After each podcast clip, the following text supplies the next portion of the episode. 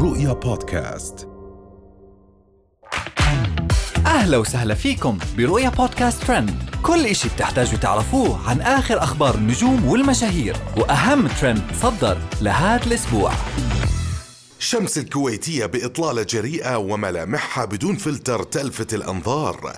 إنجي خوري تبرئ أدهم نابلسي وتكشف سبب الحرب عليه. الثنائي المثير للجدل فوز الفهد وزوجها يتهمون الحكومة في اعتزال الدكتورة سمية. كادي الجريسي تتكلم لأول مرة عن فكرة الحجاب والتزامها بالصلاة. ظهرت الفنانة الكويتية شمس بدون فلتر لتلفت بملامحها الأنظار خاصة وإنها لم تختلف كثيرا. اعتمدت شمس الكويتية على إطلالة كاجوال أنيقة عبارة عن فستان أسود قصير يصل إلى أعلى الركبة وأكمام طويلة مع فتحة جريئة عند الصدر. وتم تزيين الرقبة بموديل سحاب بينما أضيف على التنورة بعض القطع الأنيقة مع كولون أسود مميز. فاجأت إنجي خوري الجمهور في أحدى الظهور لها على الهواء بتصريحات جديدة عن قصة اتهامها للفنان المعتزل أدهم نابلسي موضحة أن القصة مفبركة منذ البداية ولا علاقة لها به على الإطلاق ولكن تم استخدامها للحرب عليه وتشويهها من قبل جماعة تعبد الشيطان تحاول هدم اسمه وسمعته من خلالها. تصدر الثنائي المثير للجدل فوز الفهد وزوجها بسلسلة اتهامات أخيرة لحكومة بلادهم بعد الإعلان الأخير لإعتزال الدكتورة سمية الناصر وقالوا من الطبيعي نشوفها تعتزل لأنها إنسانة واعية ومثقفة وأكيد ما راح نشوف إلها مستقبل في بلادنا. وأخيرا كادي الجريسي تتصدر الترند السعودي بعد كلامها الأخير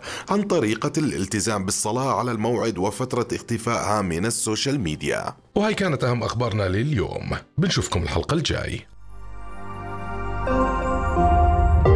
رؤيا بودكاست.